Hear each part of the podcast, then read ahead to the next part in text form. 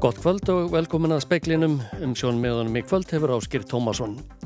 Verðbólgu horfur hafa versnað að dómi Hagstofu Íslands sem telur þó að verðbólga hafi náð hámarki í sumar. Frétta afsakið ferðaþjónustan er nærið því að hafa náðu fyrir styrk og útlitt fyrir hækkunum eh, linni á fastegnamarkaði. Hagvöxturinn verður að líkindum rúmlega 6% í ár og tæplega 2% á því næsta. Úkrænskar hersveitir heldu í daginn í borginna Hjörsson í samnefndu héræði söður hluta landsins. Rússar segist hafa flutt allt herlið sitt austur yfir ánat Njepr.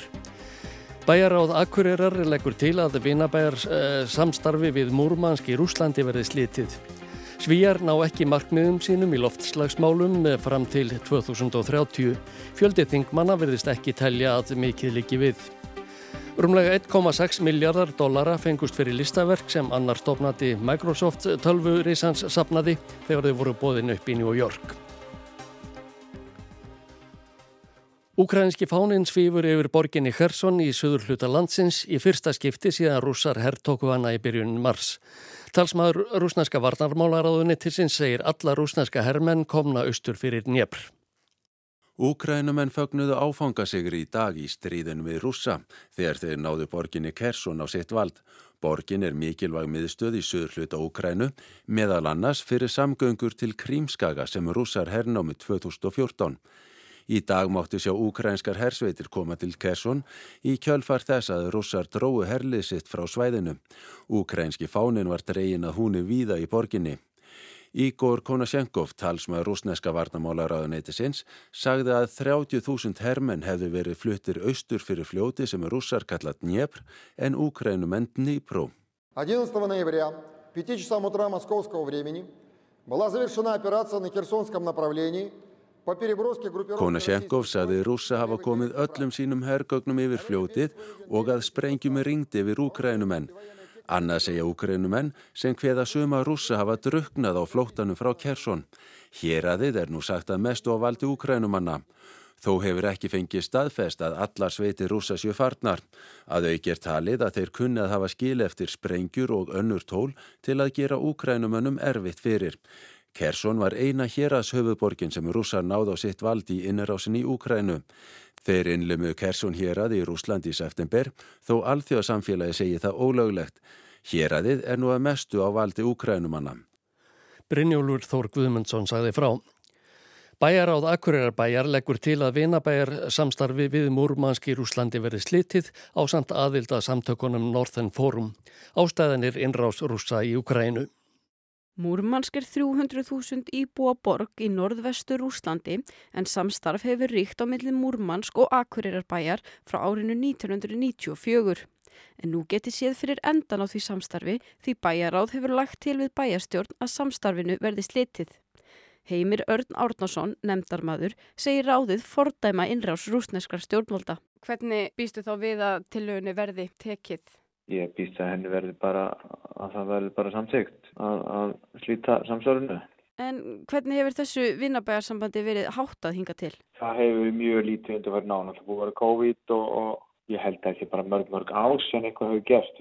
Auk þessa læði ráðið til að Akureyra-bær segði sér samtökunum The Northern Forum sem samanstendur af stórum hluta af sveitarfélögum í Rúslandi. Heimir segir samhljóm innan bæjaráðs um að slíta þessu samstarfi. Málinn býðan og afgreðslu bæjarstjórnar. Amanda Guðrún Bjarnadóttir sagði frá og rætti við heimi Örn Árnason. Hagstofan spáir 6,2% að hagvexti í ár og 1,8% á því næsta í þjóðhagsbán sinni að vetri sem byrt var í dag. Dívan sem leiti af eh, koronaviru faraldrinum var mjög skörp en að sama skapi var ferillin upp á við mjög brattur, sérstaklega í ferðaþjónustunni sem er nú nánast á pari við árið 2019.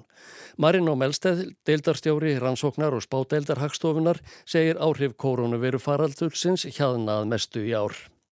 Svona kannski að mestu leiti og síðan eru þá komin á bara svona einhvern kallum bara hef, hefbundin takt að einhverju leiti er þessi miklu vöxtur í ár þætti sem er að ná fyrir styrk mikil vöxtur í fjárfestingu og eitthvað svona sem hefur kannski leið í dala í eittu ár vegna óvissunar og, og þess áttar og náttúrulega ferðþjónastan er stærsti lutinu þar.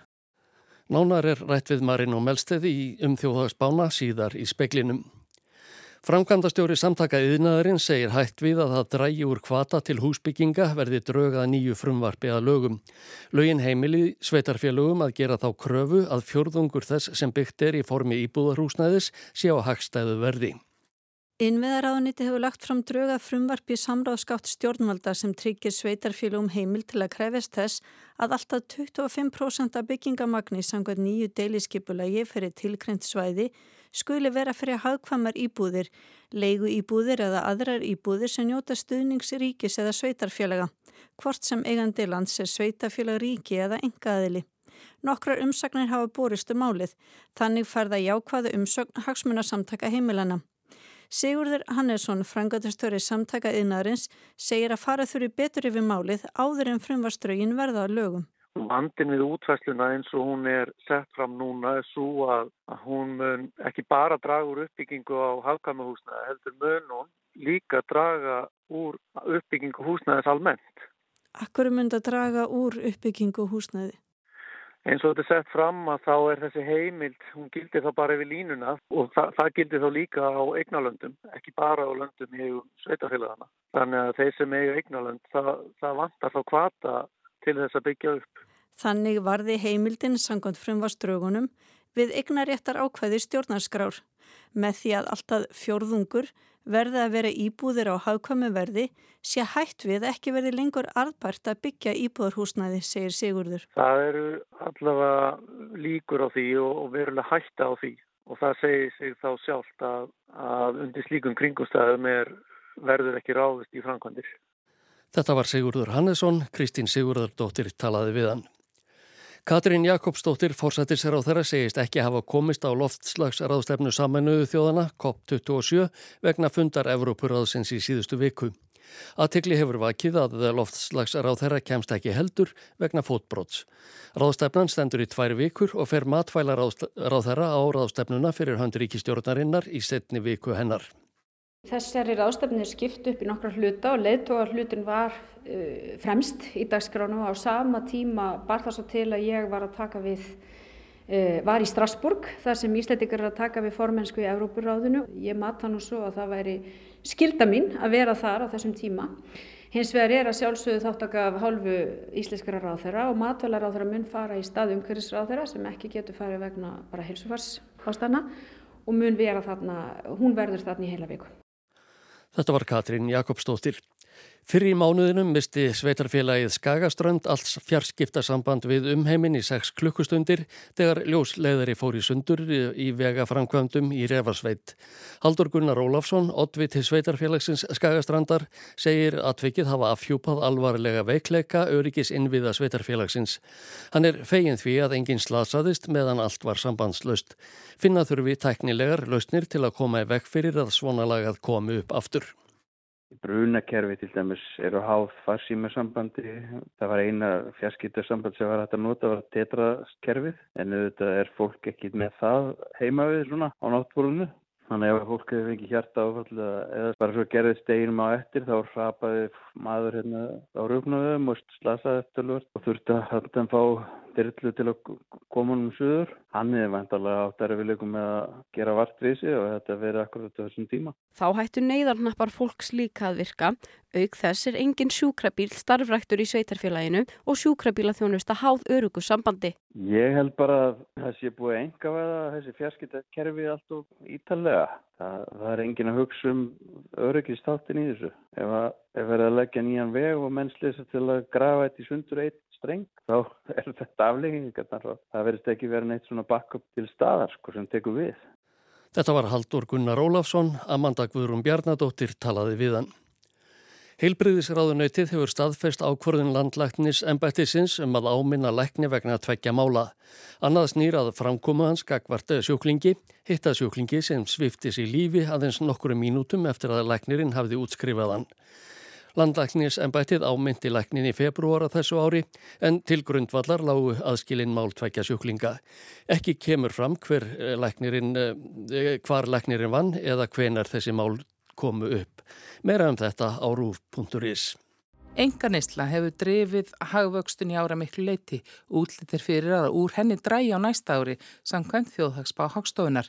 Svo verið sem fjö sem sapnaðist í faraldreinum hafi freka verið varði í neyslu en skuldir þegar umhægðist. Óvissa og órói hafa ennkjent hagkerfi heimsins í ár og ekki horfur á að það breytist í bráð. Verbolga í viðskiptalöndunum reynst þrálatari en búist var við, orkukreppan og aðfangakæðinan brostnaðiga þar sem þátt. En horfurnar fyrir þjóðarhag hérlendis í nýri spá hafa batnað sérstaklega fyrir árið í ár. Gert er áð fyrir að hagvöxturinn verði 6,2% í ár, 1,8% á því næsta. Það er engum vegna þess að við erum að gera ráð fyrir aukinni enganæslu en líka það er aukningi fjárfestingu og útflutningshorfur eru líka jákvæðar, þetta er svona heilt yfir jákvætt á svona breyðum grunni fyrir hagkerfið í heilt, það eru flesti, flesti þættir að vaksa. Segir Marinu Melsteð, deildarstjóri rannsóknar og spádeildar hagstofunar. Enganislan hefur drifið hagkerfið, eru horfur á að það breytist? Við erum að gera ráð fyrir að hún sagt, aukist um tæplega 8% í ár en síðan dræjúrin á næsta ári og vöxturum verði tæplega 2% og það er sérstaklega út af því að, að verðbólgan hefur látið á sig krælunni og er að býta í kaupmáttin. Það er svo sem ekki komið að sög það sem aðver ári en við erum að gera ráð fyrir allt þegar líður svona að lokum ársins og yfir á það næsta þá myndir það fara, fara að skipta meira máli. Í ár hafa heimilinn eitt tölvört miklu sérstaklega í auðalansferðir. Við erum að rekna með að kannski svona helmingurinn af aukningunni í ár sé út af eðslu erlendis. Þar eru mögulega verið að grýpa í uppsapnaðan spartnað sem myndaðist í COVID. Fólk hatt ekki eitt í þessum vennilega takti sem það eðir og er svolítið að bæta upp fyrir það núna. Við gerum ráð fyrir að það, það mingi á næsta ári. Að þessi uppsapnaði spartnaður uh, hérna, að það gangi svolítið á hann og er að ganga á hann núna. Hverjar eru sínist ykkur verða verðbólku horfurna núna? Því að það var náttúrulega tölvört mikil verðbólka um mitt árið og hún hefði aðeins hjaðnað. Já, við reknum með að hún hafi náð hámarki í sömar. Uh, hún hefur verið að fara hægt og rólega niður á við í meðinadröðum. Fyrir árið held, svona meðaltali, gerur við ráð fyrir hún verði 8,2% og hérna að hún hérna heldur hægt yfir á næsta ár. Það eru náttúrulega, það eru margir þættir sem eru að, það eru svona óvæni margir þættir sem eru að drífa áfram verðbólgu og hluti sem við erum ekki endilega vun, sérstaklega verðbólgu sem eru að koma erlendis frá. Þannig að innflutin vörum, oftast þegar verðbólga ásins kemur hérna á Íslandi þá er það yfirlegt út að gengisfalli eða einhverja þess áttar sem við konumst við. Þannig að við erum að kljást við það líka. Það eru verðbólk á Íslandi er jafnveil bara hérna, hóleri heldur en við annar staðar. Ef þetta er skoða til dæmis á vísitala í, í hérna á Evrusvæðinu eða samrændir í vísitölu Nesluversins og þau kalla, þá er verðbólka hér á landi með því lagsta sem gerist á Evrusvæðinu sem er nú ekki algengt.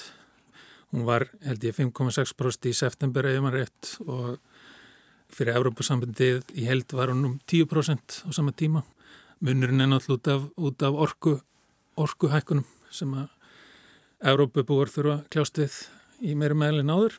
Marnó segi gert ráð fyrir því að verðbólku áhrif fastegnaverðs hjaðni hér á næstu mánu. Náttúrulega stóri hlutin í verðbólkunni hér á landi hefur verið eh, hækkun á, á fastegnamarkaði og við held að húsnæðisliðurum við erum að gera ráð fyrir það að við, það hefur síðustu misseri verið svona útskýrt kannski rúmlega 40% af, af ástaktinum og vel það.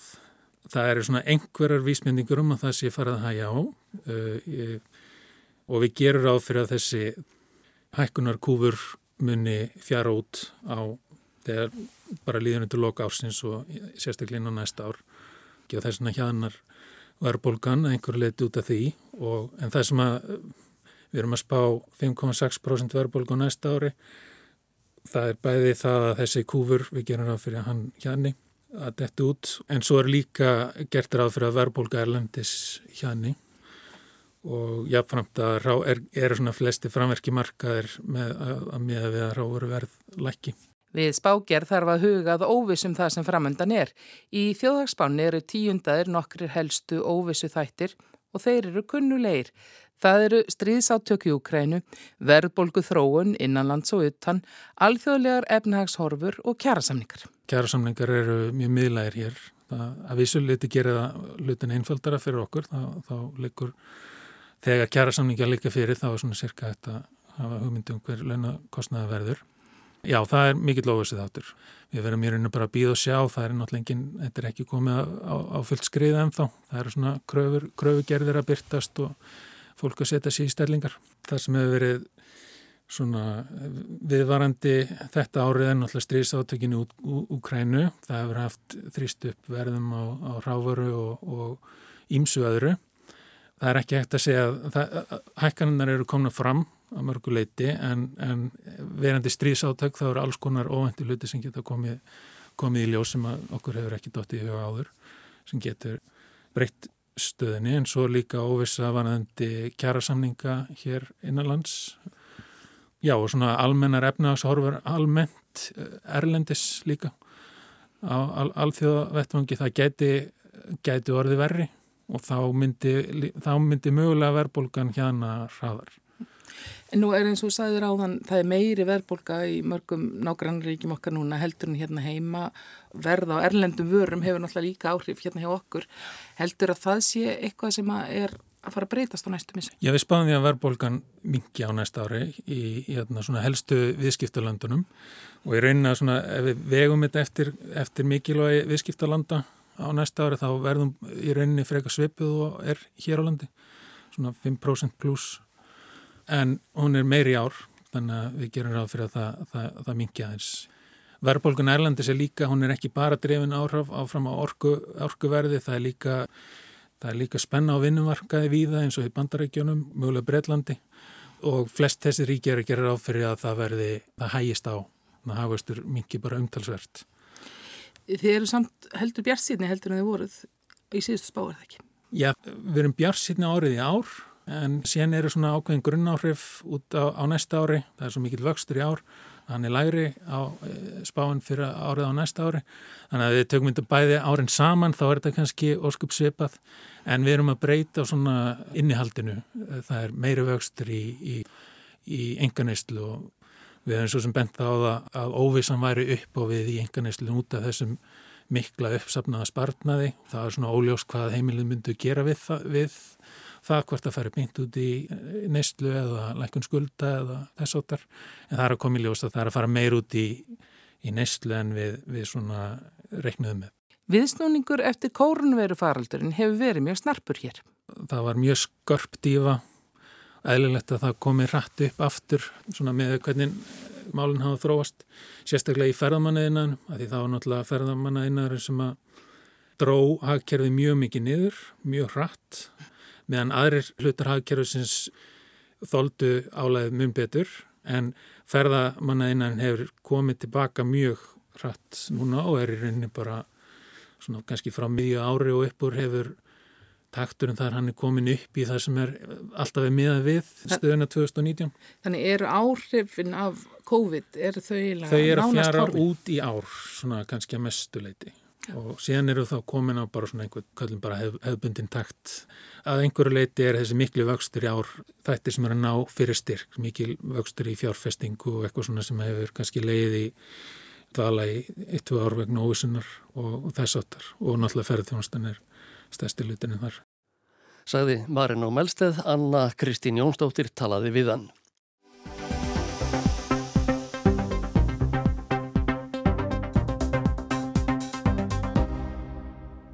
Svíjar ná ekki markmiðum sínum í loftslagsmálum fram til 2030 að svakn fjármála ráð þeirra landsins. Fjöldi þingmanna, meðal annars þingmenn sem verja stjórnina falli, virðast ekki telja að mikið liggi við. Við erum á leið til loftslags helvítis, saði framgóttastjóri saminuðu þjóðana í upphafi vikunar við setningu loftslags ráðstefnunar sem nú er í fullum gangi. Tímin til að stemma stígu við nattrætni hlínun er að renna út og allt ólíklegra að það tækist að halda henni innan einnar og hálfrar gráðu. Allt stefnir reyndar í að hún verði um tvær og hálf gráða við lok þessarar aldar að mati saminuðu þjóðana. Á sama tíma og verið var að setja loftslags ráðstefnuna í Egiptalandi var ný ríkistjórn hér í Svíþjóð að leggja fram sitt fyrsta fjárlagafrumvarp. Ímislegt því þykir draga úr líkunum á að Svíþjóð takist að uppfylla markmið sín í loftslagsmálum. Þetta er þó kannski ekki svo skrítið þegar hortir til þess að þingmenn einst þeirra flokka sem standa að myndun stjórnarinnar virðast alls ekki vissir um að það sé neinn loftslagskrísa. Að við skulum befinna oss en klimatkrís anser ég sakna vetenskaplig stöð. Að það sé loftslagskrísa, ég tel ekki að það séu vísindalegu rauk fyrir því, sagði Elsa Viting, þingona Svíþjóðardemokratana í ríkstagan sænska þinginu nýlega.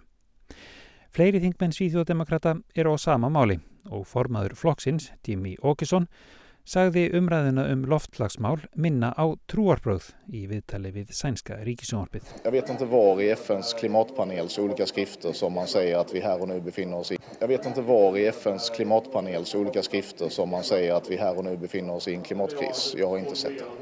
Däremot så kanske vi står inför en klimatkris om ingenting görs. Ég veit ekki hvar í skrifum loftslagsráðs saminuðu þjóðana það stendur að við séum í loftslagskrísu hér og nú.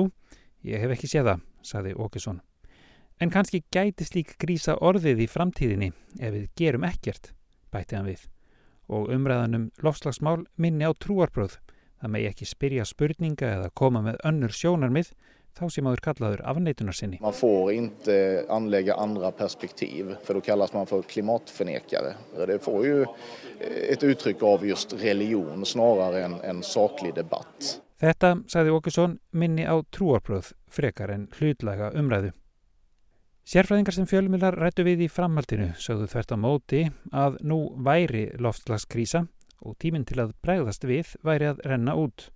Það séu sterk vísindarleg rök að baki þessum fulleriðingum. Þetta sé ekki tólkunaratriði.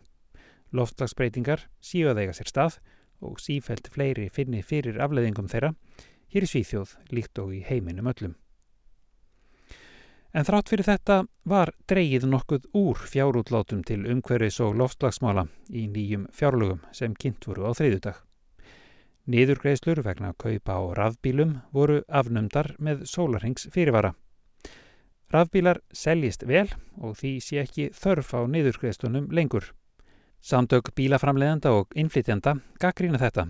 Ekkert í þessa átt hafi verið rætt í kostningabártunni og nú sé hætt við að rafvæðingi samgöngum stöðvist. Niðurgreislan hafi verið alltaf fjórðungur af verði bílsins. Í fjárlagufrumvarpinu voru líka skattar á bensín og dísel lækkaðir en þó talsvert minna en lofað hafi verið. Og jáfnverðum 10 miljardar sem áttu að fara í viðhald á járnpröytarteinum voru í staðin sett í viðhald á vegum. Mest áhrif hafa þó áform um að minka kröfur um endur nýjanleg íblöndunarefni í eldsneiti. Verði það gert myndi það auka losun gróðrúsaloftegunda um 10%. Það verður erfitt fyrir Svíþjóð að ná markmiðum sínum í lofslagsmálum fyrir 2030, viðurkendi sænski fjármálaráþurann Elisabeth Svantesson í viðtæli við Svenska dagbladet í dag. Ráþera loftslagsmála aftur á móti, Rómína Purmuktari, hún varð kannski hissa eða þá að ráþerarnir eru bara ósamála. Því um helgina sagði Purmuktari að markmiðin fram til 2030 stæðu fast.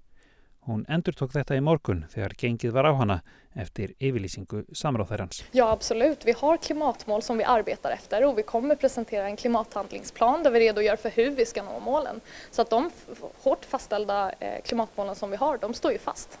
Já, algjörlega, sagði Púrmuktari við fréttamann sænska ríkisúarsins. Ríkistjórnin væri með ákveðin markmið og hún myndi kynna áættun í loftslagsmálum þar sem framkæmi hvernig ætti að ná þeim. Þetta er Kári Gilvason sem talar frá Gautaborg.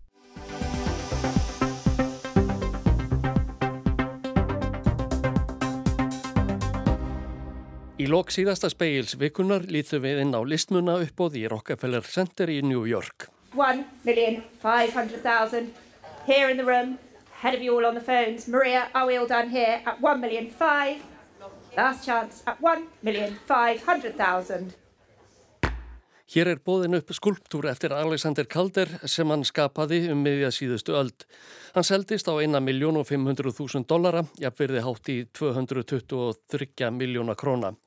Fyrir fram var búist við því að það færi á 250 til 350.000 dollara. Hjá Kristís í New York voru í gær og fyrradags held listaverk sem Paul heitin Allen, annar stopnenda Microsoft, hafði viðað að sér frá því að hann komst í álnir og fram á þessa öld. Þar á meðal voru meistarverk eftir gamla stórmeistara svo sem Vincent van Gogh, Georges Seurat, Paul Gauguin, Paul Cézanne og Gustav Klimt. Einnig var þar að finna fjölda verka eftir samtíma listamenn, málverk, tekníkar, ljósmyndir, skulptúra og fleiri listmunni. Verkin urðu til á 500 ára tímabili svo að vitna sér í sölusgrá Kristís. Skemst er frá því að segja að öll verkin seldust. Fyrir mörg þeirra fegst mun hærra verð en listfræðingar höfðu metið þau á. Fyrir daginn seldust 60 verki fyrir samtals 1 miljard 506 miljónir 386 þúsund dollara. Síðar í daginn, það er í gær, seldust 95 listaverk til viðbótar fyrir 115 miljónir 863 þúsund og 500 dollara. Samtals fengust í rúmlega 1,6 miljardar fyrir verkinn. Aldrei hefur fengist önnur eins upphæð á einu uppbóði í 256 ára sögu Kristís uppbóðshúsins. Paul Allen var 22 ára þegar hann stopnaði Microsoft fyrirtækið á samt æskuvinni sínum Bill Gates sem var tveimur árum yngri. Gates segir að ekki hafi verið sjálfgefið að strákar tengdust vinaböndum þegar aldursmunurinn var tvö ár en þeir náðu vel saman, ekki síst þegar hökkuðu sig inn í stundatöflurnar í leiksæti framhaldsskólanum í Seattle og færðu sig milli bekka. You know, it was an amazing friendship because kids didn't hang out that much with kids who were two years younger. We had, we were very much bonded when we did the uh, school schedule to. Bill Gates segir að Paul Allen hafi alla tíð verið einstaklega forvitin og framsýtt. Það hafi líst sér best í því að hann tók þátt í að stopna fjölda sprótafyrirtækja sem sum urður reyndar skamlíf. Hann leta af störfum hjá Microsoft snemma árs 1983 eftir að hann greindist fyrst með illkynja eitilfrumu æksli þá vel auðugur. Auk þess að verja háum fjárhæðum til rannsókna á heilbriðis og vísindasviði og til umhverfismála keipti allen íþróttafélög og let reysa þeim veglegar hallir. Hann tók þátt í gerð kvikmynda og sjónvarps þáttar með Jóti sýstur sinni. Hann tók þátt í að bjarga skipsklukkunni úr herskipinu Hút sem var sögt í sjóorustu í síðari heimstýröldinni um 200 sjómílur vestur af Reykjanesi.